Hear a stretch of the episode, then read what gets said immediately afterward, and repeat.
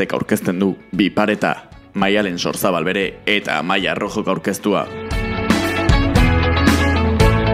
Telesaiak, programak, laburmetraiak, dokumentalak, antzazlanak eta filmak. Hogeita bat garren mende honetan gure bizilagun ditugu ikusentzunezkoak. Guztion ahotan dago filma hau edo telesaiura. Ezagunak dira euren izenburu eta protagonistak. Eta horien atzean dauden sortzaile, kamaralari, argiteknikari, gidoilari, produkzio arduradun eta bestelakoak, ezagutzen alditugu. Amaia Rojo eta Amaialen sortza balbere gara, eta biparetaren denboraldi honetan mikrofonoen beste aldean egongo gara. Gaur biparetaren denboraldi berriko lehen atala kamaren beste aldean eta pantailen atzean ezkutatzen diren emakumei eskeniko diegu. Eta horretarako, hemen elkartera hurbildu gara.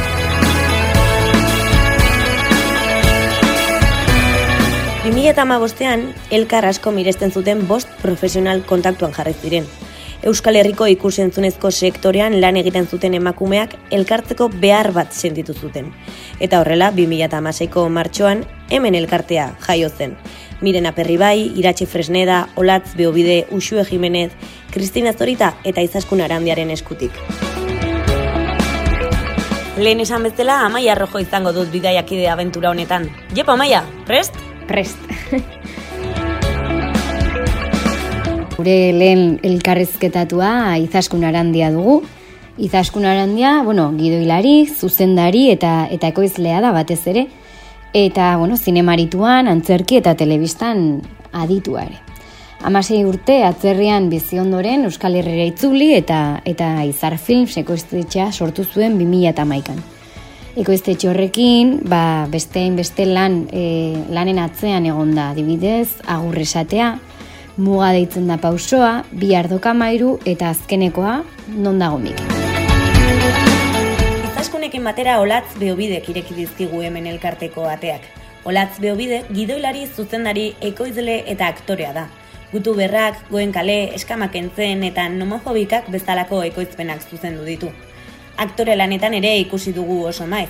Del Miño Albidasoa, Lepokoa, Hotel Tiboli, Aitaren Etxea, Goen Kale, Martin, Bizitxarra eta jarri guztiak bezalako film telesai eta laburretan hartu du parte. Antzerki munduan ere aritu da. Eskutitzak, La Pecera, La Memoria de la Abuela, Buen Viaje eta beste amaika antzuzlanetan. Entzun dezagunea zer kontatzen diguten hemen elkarteari buruz. Izaskun olatz, zer da hemen?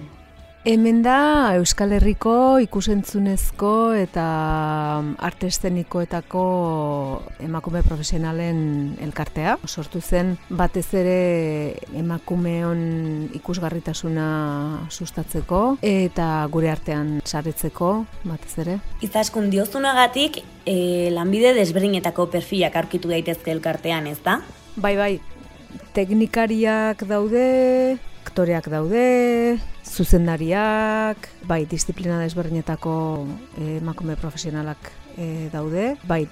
Zenbat bazkide zarete egun, gutxi gora bera? Kontratatzaileak eun, hau dira gizon eta emakumeak.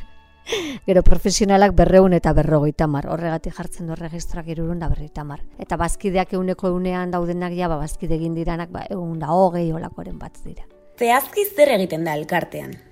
Ba, elkarteak antolatzen ditu ba, ekitaldi desberdinak, formakuntza, zinemaldi desberdinekin ekintza ekitaldi desberdinak kolaborazioak egiten ditu eta bueno, gure artean, bazkiden artean e, elkartzeko ekitaldi desberdinak baita eta bueno, datu basea, datu basea ere hor dago. Duela sei urte sortu zen hemen elkartea, ze aurrera pauso nabarmenduko zenituzkete? Bai, ba, sei urtetan izugarrizko aurrera pausoak eman dira. Hasieran genuzkan helburu hoiek bete dira, Eta, bueno, gure arteko sinergiak elkar saretze hori ba, izugarria izan da. Kolaborazioak sortu dira, lan aukerak, batez ere ikustet ikusgarritasun aldetik lan handia egin dela eta emaitzak eh, hor daudela, ez? Gera, zer da zehazki? Aukera da mentoretza programa bat, ikusi genuen hor arrakala handia zegoela ikusentzunezkoetatik ikastetik, gero lanbidean topatzen diran gazteetara, ez? Profesional gazteetara. Eta horren ba sortu da mentoretza bat, ba, beste leku batzuten egiten da noikoa, baina kasu honetan biltzen ditu nik uste dut ba, aspektu guztiak, badaukalako gidoia, dauka zuzendaritza, dauka produkzioa, gero ere mantzitzaien alduntzekoa, dosigerrak ere be, gero diru laguntzetara eta pre, presentatu alizateko dosigerreko horrelako masterclass bat ere izan dute, gero pitxinak ere prestatzen ikasi dituzte, pitxinak egin dituzte ja, ekoizleen aurrean, orduan bai izan da hori urte beteko mentoretza programa txangen dezaken nahiko os, osatu bat. Bai. Eta izaskun esaterako, em, goratzen dituzu hasierak nola hasi zinen ikusentzunezko munduan lanean? Aspaldi, aspaldi. Unibertsitatetik atera eta lehenengo, nire lehenengo lana telebista ekoiztetxe batean izan zen. Hortik aurrera ja gehien bat koizpenean aritu naiz. Ordun or, hola sinitzan, ekoiz, ekoizpenetik hasi nintzen. E, askotan, eta ez ikusentzunezko munduan soilik, esan izan ohi da, ez? Lan batean, elkarrezketaren batean edo, bai, e, zure perfileko emakume baten bila gabiltza. Emakume. E, nolabait, e, gero e, taldean emakume bat dugu e, adierazteko, ez? Zeiritzi dezue horrelakoen inguruan? Bai, entzun dugu eta zoritxarrez e, guk lortu dugun gauza bat bai izan da ba, instituzioek aintza kotzat hartzea ba, errezago izan da dinez, emakumentzat. Zer gertatzen da honekin, ba, jendea, jende batzuk ontaz aprobetsatu bezala egiten direla eta emakumeak kontratatzen dituzela bakarrik diru laguntza tan puntu gehiago emateko edo puntu gehiago lortzeko eta bar e, ne gustatuko litzaidake ba, profesionalak kontratatzea ikuspuntu feminista batetik. Baina, bueno, agian gehiegi eskatzea da. Esan daiteke pantailaren atzekoa, e, bueno, nola baita esateko ezkutuko lana dela? Bai, eskutuko lana da, zen erkenduta bizibilidadea daukatena gero promozioan, baktoriak jakina agertzen direlako, edo eta zuzendariak ba, gero promozio lanetan, noizik eta bengido hilariren bat, igual sariren badagolako gutxitan, kompositoreekin gertatzen den bezala, noizik eta behin, baina gero dago jende gehiena itzalean, eta lenguan ingenun banaketari buruzko ere mainguru bat, lekeitioko zine bileran, eta banaketa da ere beste misteri bat, ez? eta banaketa gabe, ba, ez dago salmentarik, ez dago merkatuan plazaratzerik, ez. Eta orain adibidez, zertan zabiltzate? Bani antzerki munduan biru obra txikitan, ba, monologo bat egiten irungo museorako, hola, orain gainera euskeratu berri dugu euskararen egunerako, eta oso pozin dago, horien arte gazteleraz bakarrik egin dut, eta gero egiten dut bakarketetan izeneko monologo erotiko festibo bat, esatetelanik dela, relaipu erotikoa kontatzen dituna, eta Nafarro aldean batez ere mugitzen naiz horrekin, eta gero jakerrak, gure azken antzez lana, ba, hiru aktoreek sortu dugun, ba, adimen artifiziala, robotika, datuak, eta guztionen inguruan, umore askokin, baina egiten dugun horrelako plast, jartzen dugu bertaula gainean, umorearekin, abestiekin, baina pixka ba, ba jendea, ez dakit esnatu edo konpartitzeko bintzat gure artean, ez, ba, kontuz, kontuz zer datorren.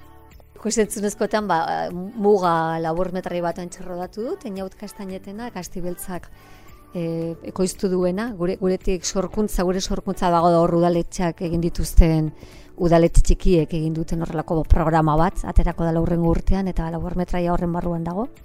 Eta hori ez ekoizten beste labur metrai bat, inertziak izenekoa, baina bueno, ekoizpen laguntzen, osake, baina bueno, hori. Eta nin nabil, ba, nire lehenengo film luzea zuzendari bezala, My Way Out, bukatzen ari naiz. eta, bueno, espero dut datorren urtean ja estrenatu alizatea.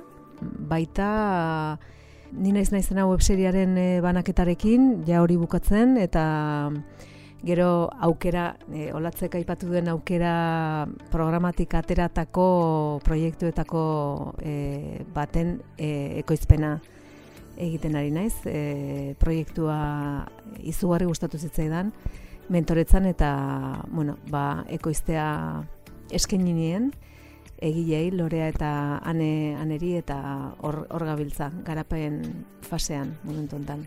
Beste galdera bat, e, guztiz e, gai aldatzen. Euskal Herrian talentua dago?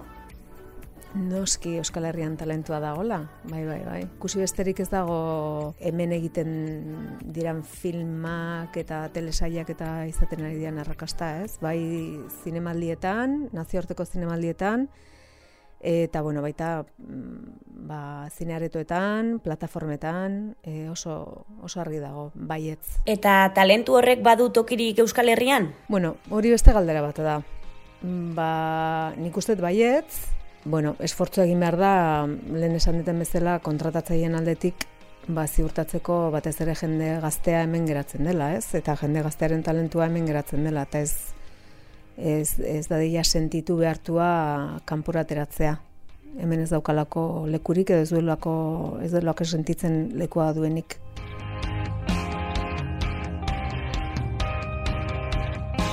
Hola, azkeneko galdera. Nola egin daiteke bazkide hemen elkartean? Zerrisa da registroan sartuta.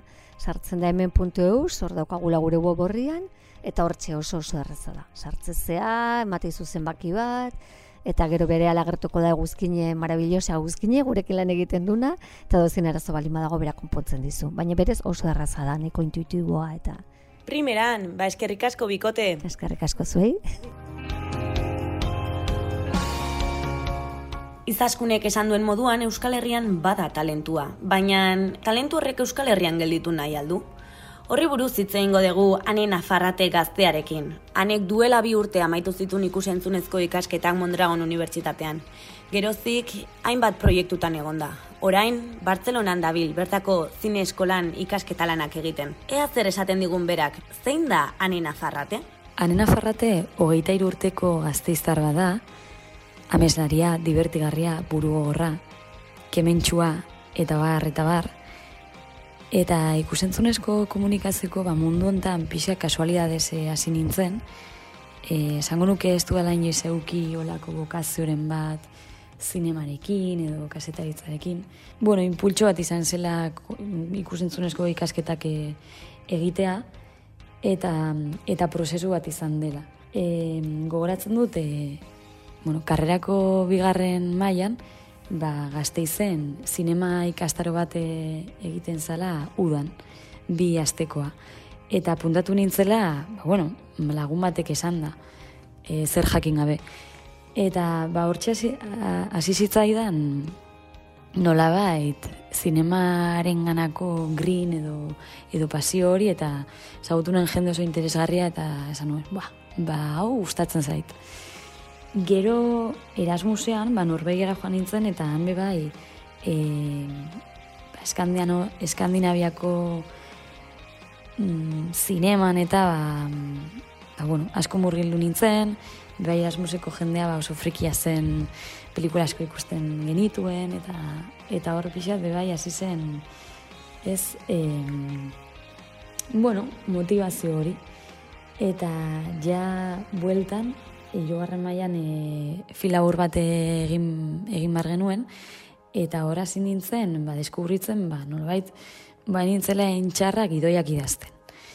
Eta hortik ba laugarren mailan dokumentala egin genuen bla, eta mm, eta bueno karrera bukatu nuen eta eta argi neukan ba ba zinema zala nire nire muga.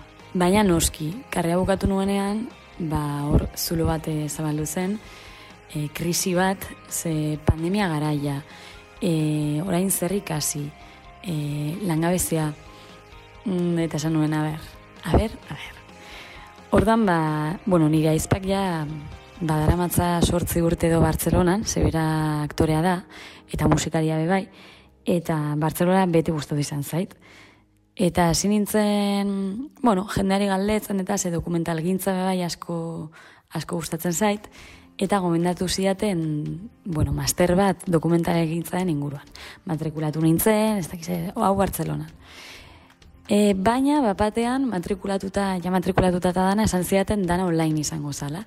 Eta esan ba, hau ez dute egingo.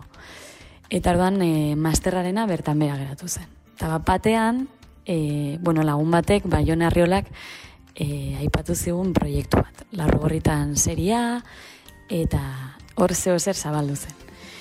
Eta, bueno, aipatu zian, maialen sortzea balberekin batera, ba, gidoi bat, e, eanengo enpresa gidoi bat idazteko. Egia! Eta esan nion baiet, eta hor, ba, pixkat, e, udatik edo iraietik e, abendura arte, edo, bai, urtarrilera arte, ba, proiektu hortan e, ibili nintzen, eta gero bai, ba, gaztizko jaialdi batean lanean, gazte film oso gai dagoela. Baina, klaro, e, gazteizen gelitu barre nintzen, eta nik gazteiztik alde egin nahi nuen. Bi, bilatzen eta bilatzen eta bilatzen, e, lagun batek gomedatu zian zinema eskola bat. Eta baina urtarrian, zinema eskolak e, iraian e, hasten ziren. Eta gau batean, ba, lagun batekin nengoela, bueno, jagara ardo batzuk hartuta, e, beste impultso bat. Erabaki nuen e-mail bat dialiko nuela eskola ontara, eta esango niela, ba, ziko nintzela urtarrian, baina presentzial. Eta tira, ba, urrengo astelenean, e, erantzun ziaten, esan ziaten, ba, baiet. E, itzaingo zutela koordinatzaileekin, ba, eta, eta, bueno, eta urtarrian, ba, ba, ara joan nintzen. Eta orduan, ba, ba, orain hori, Bartzelona nabil, e, sinema eskola batean, e, banda parte izenekoa, eta oso oso gustora. Eta, mm, Beno, ba, ba zertan diferentziatzen den Bartzelona eta Euskal Herria, oraindik eh, ez dut di, diferentzia askorik ikusten. Egia da e, hemen ba, pixkat multikulturalidade handiagoa dagoela, ez? Osea, mundu osoko jendearekin lan egite duzula, eta, eta hor dibertsidade asko dagoela, bai adinean, bai asko ikusten da, Euskal Herrian adibidez, normalean zure klasekideekin egite duzu lan, ez? E, zura dina daukatela, eta hemen ba, ba bai, hori asko nabaritu izan dut. Mm, bai berroi urteko jendearekin ibili naizela danean, amasi urteko jendearekin zinema eskola hasi duela, eta, eta hori oso guai egon da. Gero beste kontu bat nik asko nabaritu duela, da hemen jendeak ez tokala eta hainbesteko taburik, ez? Eta, eta igual miedo bat idazten badu, ba, guazen hori filmatzera. Eta, eta ekipo askotan sartzen zaela, e, sinema eskola barruan bebai, ba, laguarmaekoekin asko errodatze duzu, eta hori ba Euskal Herrian ez dut hainbeste sentitu. Eustu dute mesfiatiagoa garela edo e, oso geureko jakez batzutan. Gure taldetxoa daukagula, e, gure hizkuntzan, gure dadekoa eta ez dakize, eta hortik ez garela irteten. Eta, eta hemen hori asko disfrutatu izan dut. Ba, ba bueno, nola baite ez dagoela filtrorik, eta emakumeen presentzari dago kionez, esango nuke, ba, iriontan, badagoela mm, emakume taldetxo bat, ez, oso potentea, adibidez, ba, Irene Morai, Elena Martin, Clara Roquet, Carla Simon, olako jendea, ba, ba, bueno, unibertsoa sortzen nahi dena hemen. Eta mm, baita zinema eskolan, ba, nabaritzen dute, ba, gero eta emakume gehiago, bakitzen dutela e, argazki zuzendariak izatea, edo gaferrak, edo e, soinu teknikariak, eta eta hori oso guai dago. Bestetik ni hemen Bartzelonan ba, ikasten nabil, eta bestale batetik ba, lanean bebai, e, rodaje profesional batzutan, eta, eta beno, ba, hor bebai, ba, asko ikasten da, ze, ze ja ez zaude zure konfort talde hortan, ez?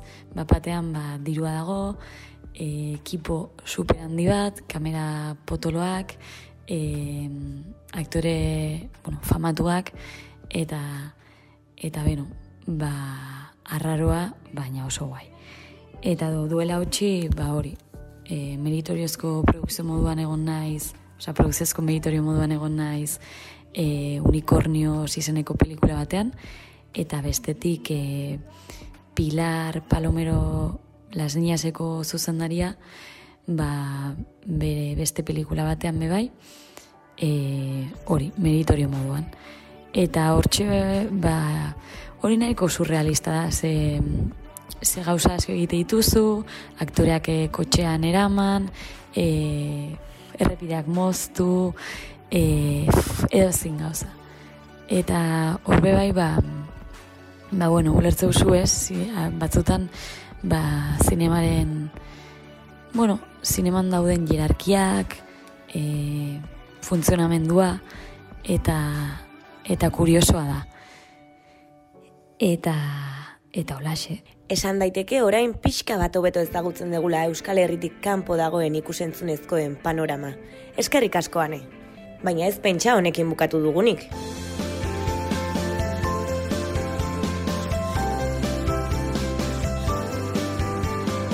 Ikusi dugunez batzuk nahiko argi daukate ikusentzunezko mundua. Bueno, haien burua bertan ikusten dutela, beste asko kordea kasualidadez egiten dute topo eta beste bide batzuen bitarte sartzen dira. Kasuntan, naro alkororekin hitz egingo dugu, bera baita bigarren kasu honen adibide. Bueno, naroa, kaixo eta ongi etorri. Gure lehenengo galdera, nola hasi zinen?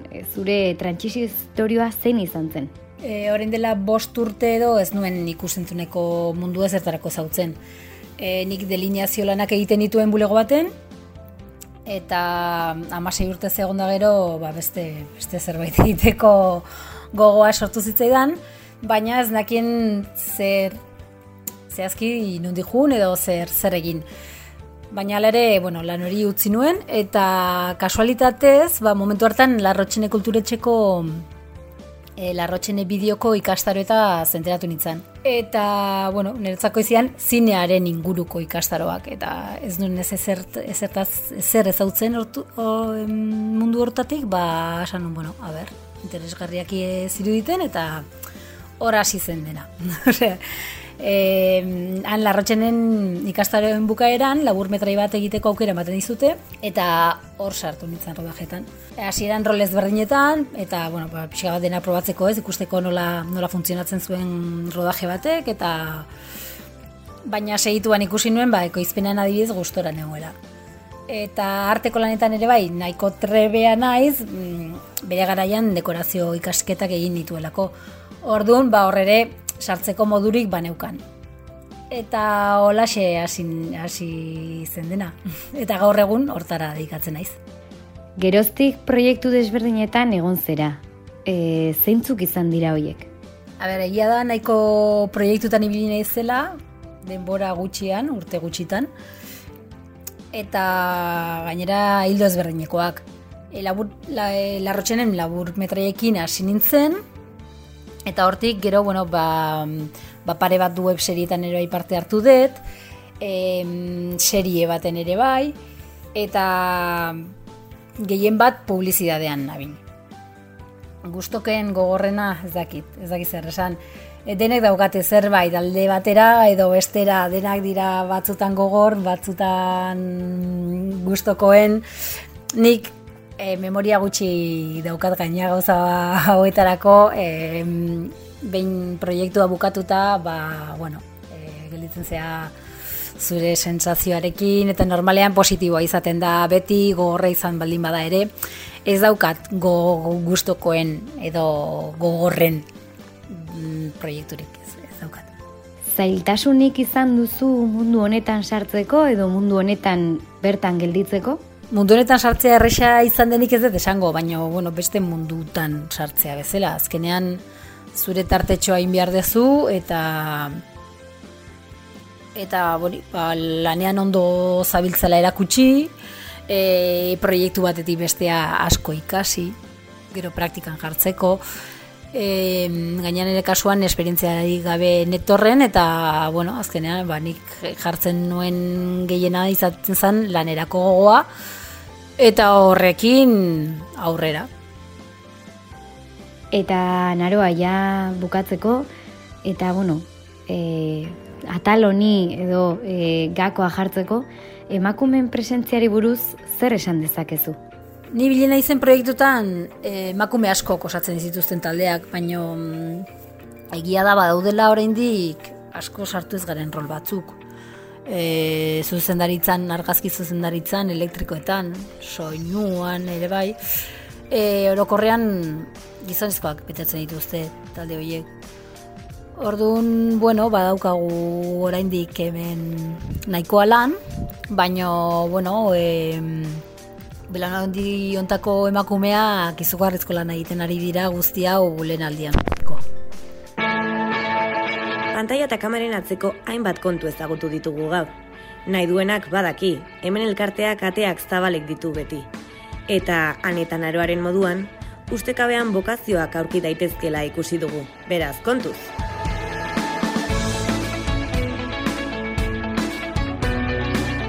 Naiko mundu desegonkorra dela diote. Polita, aldi berean. Unibertsitatetik atera nintzenetik, hainbat proiektutan gidoilari lanetan aritzeko plazerra izan dut. Bide horretan, emakume ugari izan ditut, eredu, bide lagun eta konplize. Asko ikasi dut haien gandik, eta ez soilik gidoi buruz. Haiei esker gara, eta guri esker izango dira. Espero.